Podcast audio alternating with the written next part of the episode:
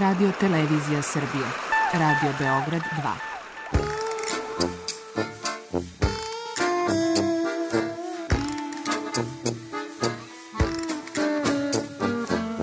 Rekli su mi, gospodine, vi ste promašili temu. Pa ja sam onda promašio život. I ne znam šta će da bude sam. Kaže, ja ne mogu više te čuvam. Šta da ti radi, kaže. Snađi se kako znaš. Mi smo kao u kafesu. Za nas to je najmrtvo. To je mrtvo za nas. Naročito. I ja bih želela neko da me usvoji. To bih želela. Govori da bih te video. Program dokumentarnog zvuka.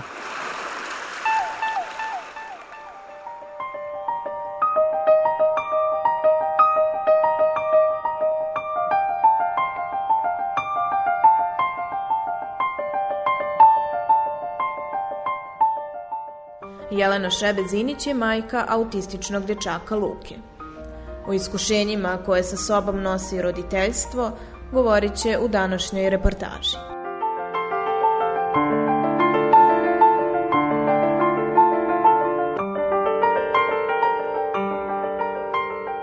Kod nas se igrom slučaja dogodilo da nam prvo dete koje smo dobili ima autizam.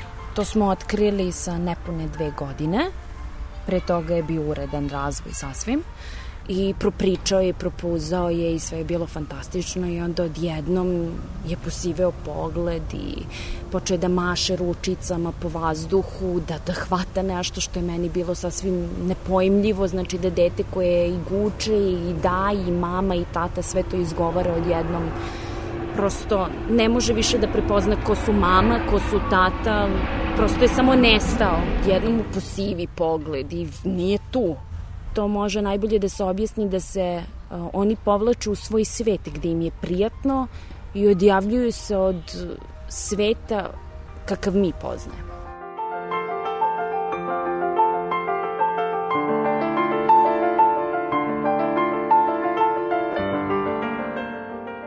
Činjenica je da ljudi imaju pogrešnu sliku o autizmu. Najveći stereotip ikada o autizmu je upravo onaj film Kišni čovek.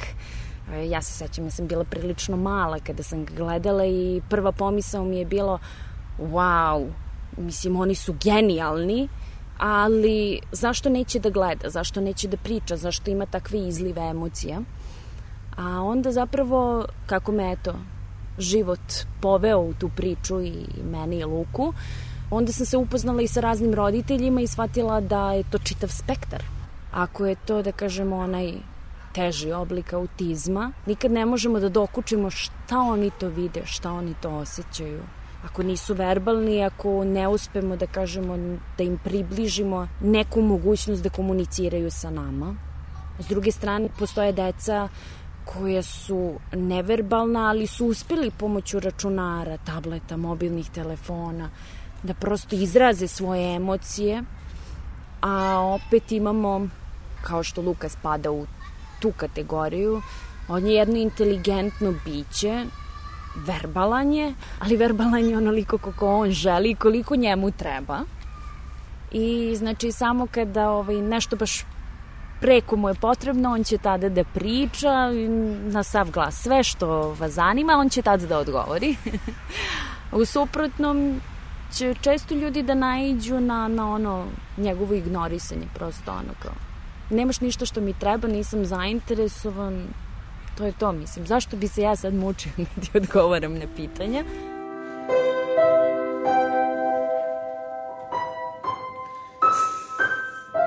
Još gore. Aj sad ga vrati. U rikverc. To, ajde leva, Leva? leva. Ajde, Ajde, ajde. ajmo. Ajde, palac, palac na sol, palac na sol, palac na sol. To. Mi, palac na sol. Mi. Vraćaj, vraćaj. Vraćaj, vraćaj.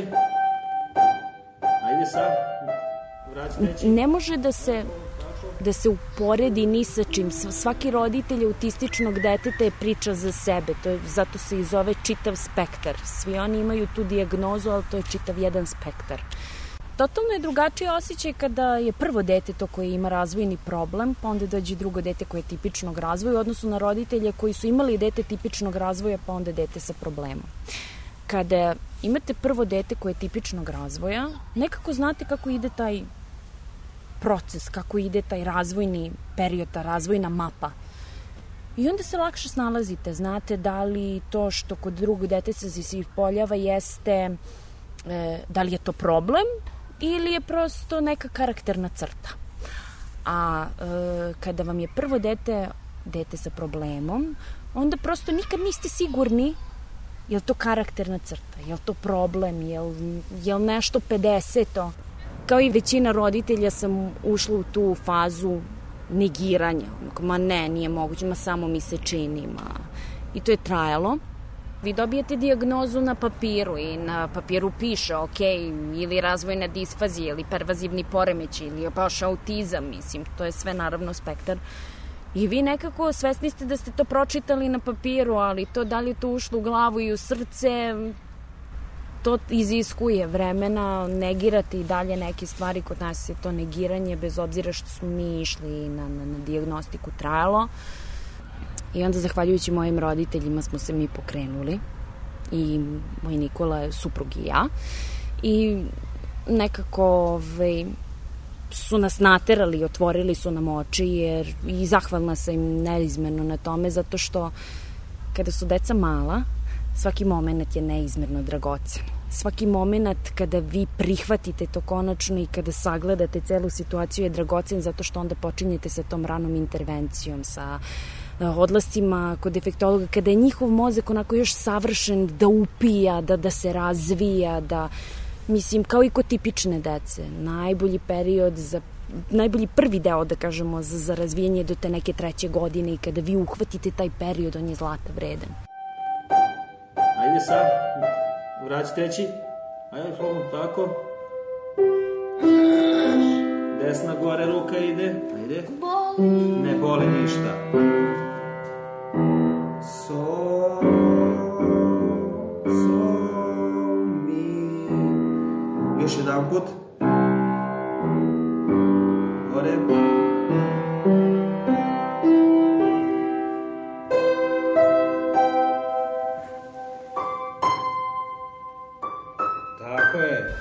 Kažemo sreće u nesreći jeste što Luka je pokazao napredak. U početku jeste bilo odricanja u smislu više sam bila na bolovanju nego što sam radila zato što sam mu bila stalno potrebna zato što su mi bili bili su nam potrebni novci za defektološke tretmane jer pravo da vam kažem, jako je teško doći do tretmana i do svog termina u državnim institucijama. To se čeka 2, 3, 4, 6 meseci samo na diagnostiku, a onda da ne pričamo o redovnim tretmanima i onda naravno najlakše je okrenuti se ka tom privatnom tretmanu. To sve iziskuje novac, svaka dodatna podrška iziskuje novac. Naravno, mislim, sve to ima smisla kada dete napreduje nekako se na tim prvim defektološkim tretmanima i nismo našli, kasnije smo upoznali našu gocu iz logopedilišta i onda je to krenulo baš onako. Dobilo je neku toplu notu, neku srčanost, neku ljubav. I onda smo se držali toga. I onda evo i dan danas ponekad kad mi se desi da kažem, pošto kod autistične dece večito postoji to kao EKG, ja kažem, ono, promene. Prosto to je sve normalno, da postoje usponi, da postoje padovi i da to kao tako treba prihvatiti, ali uvek se iznenadim čak i dan danas sebi kada recimo on krene da stagnira u nekim momentima, pa odim kod goci i kažem, jo bože, on nikako da, da, da ne znam, ukači ovu stvar ili da prihvati ovu stvari. I onda prosto me probudi jednom kratkom i jasnom rečenicom koja me onako malo vrati. Sećaš se kakav je bio? Sećaš se šta je bilo na porođaju? Sećaš se kako je počelo sa radom? Znači, tvoje dete je moglo da bude kao biljka. Pogledaj šta ste sve uradili sa njim, koliko smo zajedno isto uradili neke stvari, koliko je on napredovao. Znači, ide u redovnu školu, ide u muzičku, redovnu muzičku školu, deca ga obožavaju, Tako da, prosto valjda i mi, roditelji, treba da prihvatimo da nije sve kroz prizmu tog autizma, da ponekad moramo i da gledamo da su oni osobe ko osobe. da imaju svoje. Pravo na svojih pet minuta, pravo na svojih pet dana. Ali je to ponekad, čini mi se, još uvek teško da se balansira, što se naših emocija tiče.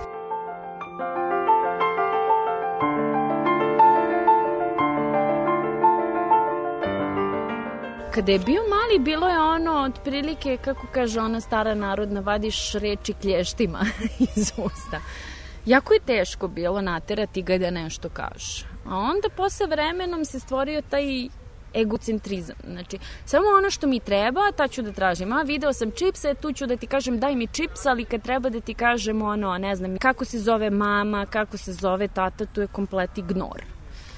A onda nekako vremenom kako nastupa zrelost i kako posmatraju svet oko sebe i koliko si vi usudite da im otvorite vrata kao ovom svetu i onako malo da ih gurate stepenik po stepenik neinvazivno, da im prikazujete neke lepe stvari zbog kojih je dobro da, da, da budu tu sa nama, da komuniciraju, onda je nekako i on tako počeo da sve više komunicira. Da sad polako ulazi u pubertet i sećam se da mi je to prva reakcija bila. Luka, ajde s nama napolje. E, nećeš. Ja, yes, konačno je ono uradio nešto ono, svoje, kao protivureči mi, to je super, kao njih je najbolje prizvati kroz stvari koje vole. U nenormalno voli oblike, kao i sva autistična deca, taj baby TV, to je ono muko moje. Znači, to je ono hipnoza opšta i dugo smo se skidali sa tih crtača, ali u početku kada je trebao da progovara, ja sam ga mamila tim crtačima. Mislim, kako da kažem, mač sa dve oštrice. S jedne strane je dobro, zato što ga tim privlačim i tim ga teram da priča, s druge strane je loše, zato što posle kad mu ti crtači uđu u krv, ono, on samo o tome priča. Prosto nezainteresovanje za bilo koju drugu temu. To se naravno isto menjalo sa sazrevanjem, ali Trudila sam se kada je bio mali da koristim stvari koje voli. Voli oblike, ok, ajde da crtamo oblike, ajde da pričamo kroz igru, ajde da pravim znači, nešto što sam od uvek želela i volela jeste da podarim glas nekom crtaču ili slično. I onda sam se trudila zapravo i da, tu želju upotrebim u radu sa Lukom. Pa uzmem Lutku pa kažem, Luka, šta smo sad uradili? I onda on kao, uuu, živela je Lutka, priča sa mnom treba, treba podetinjiti sa njima, treba se kriveljiti, treba im pružiti tu dečju stranu, ono, prizovimo decu sebi, to sam ja radila. Pa, na primer, vidim da nešto treba da jede, on to ne želi, ali znam da je zdravo, pa... I onda kao, ja, Luka, što ja volim spanać, ćeš ti da probaš? I on kao, ja, Fifi mu se obratila, ide da jede spanać, pa to ne može da se propusti. I kroz te neke momente sam ga prosto prizivala. E onda kako sam vremenom shvatila, on je išao, krenuo na neke radionice, pa tu je bila uh, muzička radionica. Videla sam da je jako muzikalan baš mu je onako prijelo i sve to i onda sam shvatila da ponekad kroz muziku treba pričati s njim. Ne znam uopšte i neke svakodnevne rečenice sam ja njemu donosila kroz muziku. Naprimer, e, ako voli uvodni instrumental za Pepu Prase, on ta ta ta ta ta, šta li radi Luka? Mislim i on kao wow ili obožava, obožava slagalicu i dan danas obožava slagalicu i onda kako se Marija pojavi Veljković na televiziji on kao mama, Marija je i onda ovaj, smo učili kroz slagalicu na primjer asocijacije, pa radimo matematiku, pa 1 je 1, a 2 je plus, a 3 je 2, konačno rešenje je 3, mislim. Prosto sam tako. Ćao drugari! Ćao drugari! Hoćemo da im mašemo? Ćao! Ćao! Danas pričamo o osjećanjima. Osjećanjima. Kad smo srećni, kako se ponašamo? Šta radimo kad smo srećni? Smemo. Smemo se. A kad smo tužni, onda? Plaše. O, a kako smo tužni? O. A kad smo ljuti, onda? Mm, tako. A kada smo zbunjeni, šta radimo? Nešto smo videli. A kada pukne balon? Puh! Šta onda? Onda smo Zbunjen. Zbunjen si kad pukne. A kad si uplašen? Kada je mrak? Ja se bojiš mraka? Plašeš. Plašiš se mraka? Onda je strašno, ne smiješ da uđeš u sobu, jel da? Ne. Nemoj tako da se glupiraš. kako smo, kako smo uplašeni? Kako smo uplašeni? Gde si? Eto te. Bu! Jel to sve? Hoćemo da mašemo drugarima? Ćao! Ćao svima! Ja sam bila zapostavila kompletno i svoj brak i sebe i sve živo i totalno sam bila okrenuta ka Luki. Ja sam disala za njega, ja sam treptala za njega, ja sam živela za njega i živela samo za moment da on, pošto je on prvo brbljao, pa je sam odjednom stao. Znači ja sam živela za taj moment prvo, kako, živite po etapama. Ja samo da, da, da, da kaže mama. Pa kad konačno čujete to mama, ja samo da može da mi kaže šta ga boli da, da mogu mirno da zaspem, da mi kaže boli me to i to, da znam šta da lečim, a ne ono da se jedem i da ne znam šta ga boli. Pa onda kada dođe taj moment, jao, samo da bude dobro u vrtiću, pa stalno živite iz tog nekog momenta u moment, samo da ovo, još samo da ovo, još. Nekako mi se čini da sam taj prvi deo prošla više u iščekivanju da se nešto desi nego u uživanju u svemu tome.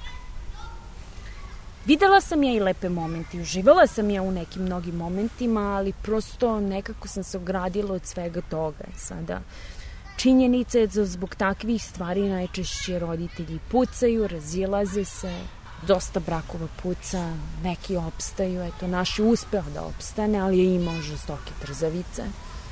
Nismo mogli da se razumemo, Nikola ga je posmatrao na jedan način, ja sam ga posmatrala na drugi način. Čak u jednom momentu čini mi se da sam ja sama kao roditelj pretrala zato što je bila u fazonu ja najbolje znam, ja sam mama. I trebalo mi je vremena da naučim da možda ponekad i roditeljstvo prepustim Nikoli i da vidim na koji način će on da pobudi neke stvari u njemu. E, kasnije, kako sam se opuštala i kako sam pričala sa mamama i shvatala gde su moje mane i greške, tako smo nekako uspevali da svi isplivamo. I onda kad su se malo primirile te trzavice, onda smo se razmišljali da li drugo dete, ne drugo dete, da, ne, da, ne. I onda, znate ono kad kažu ko se na, na mleko opeče i u jogurt duva, mislim, možda zvuči ružno poređenje, ali kada vas neko loše vodi u trudnoći, kada se dete napati na porođaju, kada vi jedva ostanete živi sve to, prosto se razmišljate da se upustiti u sve to, da kada slušate priče od nekih roditelja, da li je genetika, nije genetika, ovo ono, silna ispitivanja, silno ovo, silno ono, prosto počne mozak da, da, da vri od svih informacija. Međutim, onda pričajući sa mnogim stručnicima smo zapravo ustanovili da kod nas nije problem u genetici, ne prosto problem u jako lošo vođenoj trudnoći, u jako lošem porođaju, gde smo oba jedva ostali živi. Ja sam obe trudnoće morala da ležim, zato što su obe trudnoće bile visoko rizične. Igrom slučaja to sa Petrom je bilo lepo od početka do kraja. Malo se bilo zakomplikovalo na porođaju, ali ovaj, tu sam se bila isprepadala.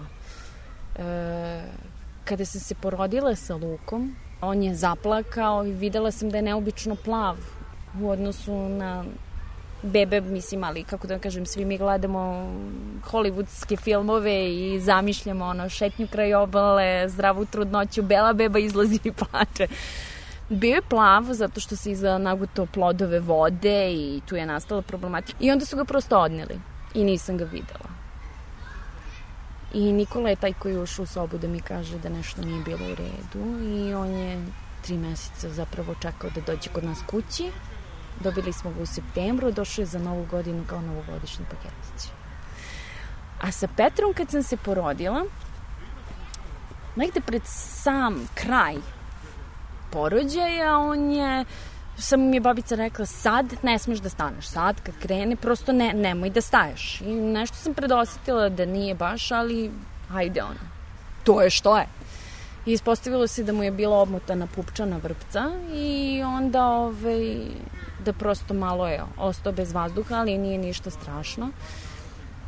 Njega su mi dali u ruke. To je bio neverovatan osjećaj. Stvarno je važan taj prvi moment kad se mama i beba zagrla.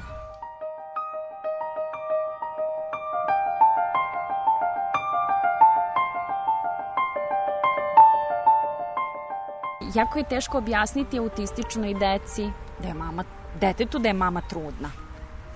Znači, on vidi da mami raste stomak, nije mu jasno zašto mami toliko raste stomak, ali to je još uvek, kako da kažem, možda mama se goji, Bog će ga znati, mama se menja, valjda je to tako normalno. I sad Petar je ostao par dana u, u, u bolnici, ja sam došla, da kažem, u prvu kući sama bez njega I Luka prvo kad mi je prišao, pipnuo mi je stomak i samo je rekao, nema više. I to je bilo kao, nema više. I da, i to kad smo rasklopili krevetec, kao da ga je nostalgija uhvatila. On mora da istestira krevetec, on mora prvih pet večeri da spava u krevecu, da isproba flašicu, da isproba coslo, sve, kao da se pretvori u bebu, zapravo čini mi se kao da je osjećao i da je ta ljubomora kretala što je meni s jedne strane bilo drago, zato što kad se pojave ti, ti momenti tipičnog razvoja kod vašeg deteta, pa čak bila i to neka negativna emocija ili nešto, vi ste presretni, ona, na primjer, dete vas laže ili kao, uhu, slagao me. A kad se Petar pojavio i Petar je plakao tako noćima kao i svako novorođenče na dva sata, na tri sata i već pete večeri dolazi Luka zapušenih uličiju ja premorena, valjda nisam čula, a on me gura onako pa opet zapuši oba uha i viče, plačeš, ne možeš više. I to je bilo, ok, skapirala sam. Da te mere da je posle još deset dana nakon toga, kada je Petar zaplakao, Petar je posle ušao u one fazi da se tačno znalo u, koje, u ko, koliko sati će da se probudi i trebalo je da se probudi oko 3 sata, u 5 do 3 ulazi Luka u sobu, nosi flašicu sa vodom i viče, daš bebi, ja sad ideš da spavam. I to je bilo onako, jasno mi je, učinit ću sve da možeš da spavaš. Tako da, bilo je ljubomore bilo je ono kao, zašto njega non stop grliš, pošto mislim beba ko beba zahteva da se doji, zahteva se preslači, a ono kao osjećam da ga je gledao kao vidi ovog krpelja, nakačio se i ne pušta moju mamu. I onda je bilo da, da, da mi se usred dojenja ovaj, Luka ušuška u krilo kao hoću jako tebe, zašto baš on sad mora? Tako da, ovaj, jako sam voljela te faze, ali sam bila jako umorna i, i, i, nisam, nisam znala na koju ću stranu, ali sam jako srećna što smo se odlučili. I Nikola je bio jako uplašen tokom cijele trudnoće, malo malo, hoće sve biti u redu, hoće, sve će biti u redu, ne sekiraj se. I onda, eto, kada je Petar napunio godinu dana, toko da je juče bilo, sećam se, Nikola se okrenuo ka meni i rekao, hvala ti što si me naterala da dobijemo drugo dete. I nekako ceo taj svet je zablisto, nekako stvarno sa Petrom smo kompletni bili.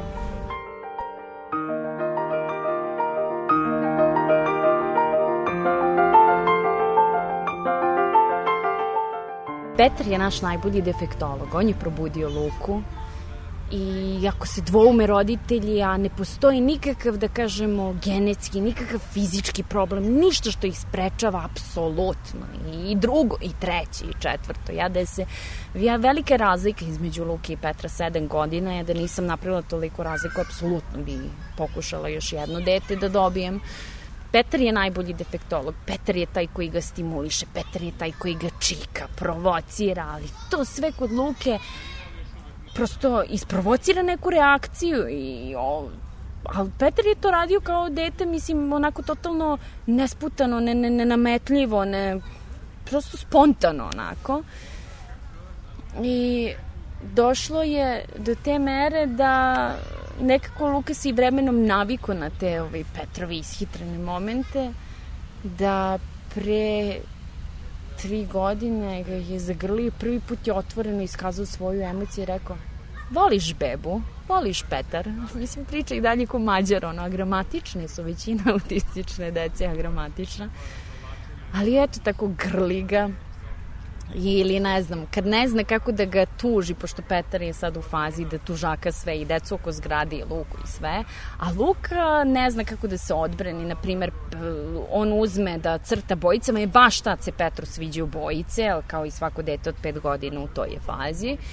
I onda Luka nije znao kako da, ovaj, da, da mi objasni i on dođe do mene i kaže, ne smeš Petar dira bojice, ne smeš, nije dobro. I to mi ono kao signal, idi Jelena u sobu i objasni da ne smeju da se otimaju.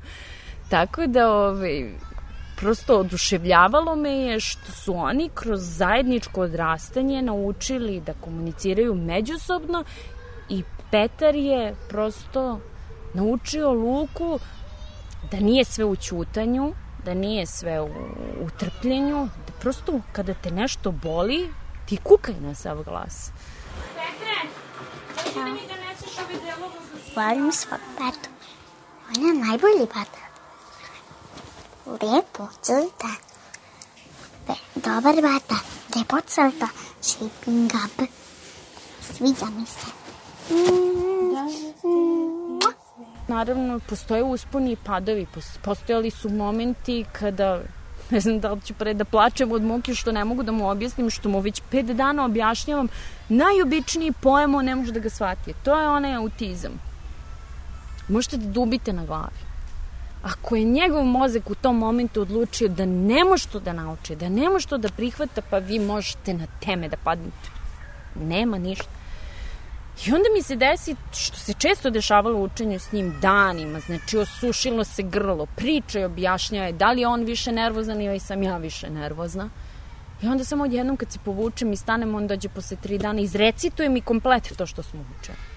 I onda, šta je sad ovo? To je ono što nas autizam baca na te neke testove, ono, što ovo može, ovo ne može. Pa onda činjenica da su se navikli, da većina deca najviše primenjuje ono staro poznato, ono, ako mi nešto ne odgovara, ja ću da njačem, ja ću da bacam se, ja ću da plačem. Znači, da, da, da odemo u maksi i meni se Luka raspadne onako ispred rafa, oće čipsa. Pre toga je pojeo čips i sad baš hoće opet čipsa.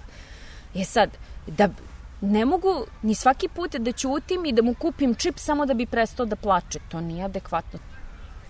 Onda na sve to ovaj, dođu tako ljudi kao, gospođo, kakva ste vi majka pa vam se dete baca po podu.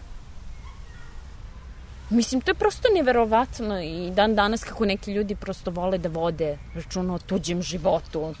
Mislim, pođemo od banalnosti, ok, korona je, uplašeni smo svi, ali ja gledam pre neki dan nekom čoveku u autobusu je spala maska ispod nosa, prilazi nepoznata žena i diže mu masku preko nosa. On ko, brate, slati. Sad zamislite šta sve doživljavaju roditelji autistične dece. To je neverovatno. E onda sam prestala više da se svađam i onda sam došla u situaciju da vremenom kako ljudi stanu i izbulja onako oči, zablentaju se onako, ja se okrenem i isplazim se. Razrogačim oči, isplazim se do te mere da im bude neprijatno i onda se okrenu i sklone. I to je bio moj Luki nekako zaštitni znak. Znači, kad god se neko, on se rasplače, neko se izbulja onako u nas i ja kažem, sine, šta smo ono vežbali? Tri, četiri, sad i okrenu se on... "Mm." I taj neko bude u šoku kao, ju, kao nevaspitano. Ja pomislim kao, bože, mi nevaspitani, pa ti buljiš sve vreme u nas. Tako da, ovaj, to su bili neki, ono, blesavi momenti. Sad je sve super, mislim, sada me ne dotiče više toliko, mislim, Zašto?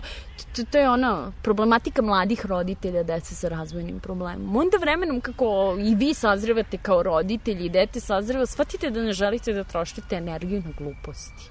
Tu ste vi, tu je vaše dete, tu je neka vaša borba. Ako možete još nekom da pomognete ili od nekog nešto da naučite, to je prava stvar. Ovo, ovako, ovi su svi, doći će, proći će.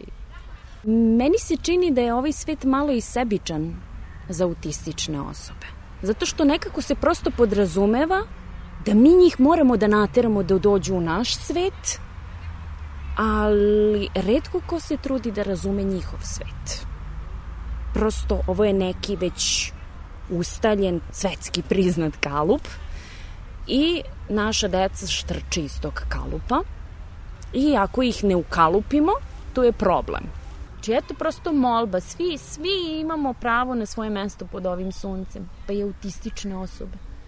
I apsolutno im pripada to pravo, bili verbalni, ne bili verbalni, bili u invalidskim kolicima, ne bili. Znači, svako ima pravo na ovo mesto pod suncem.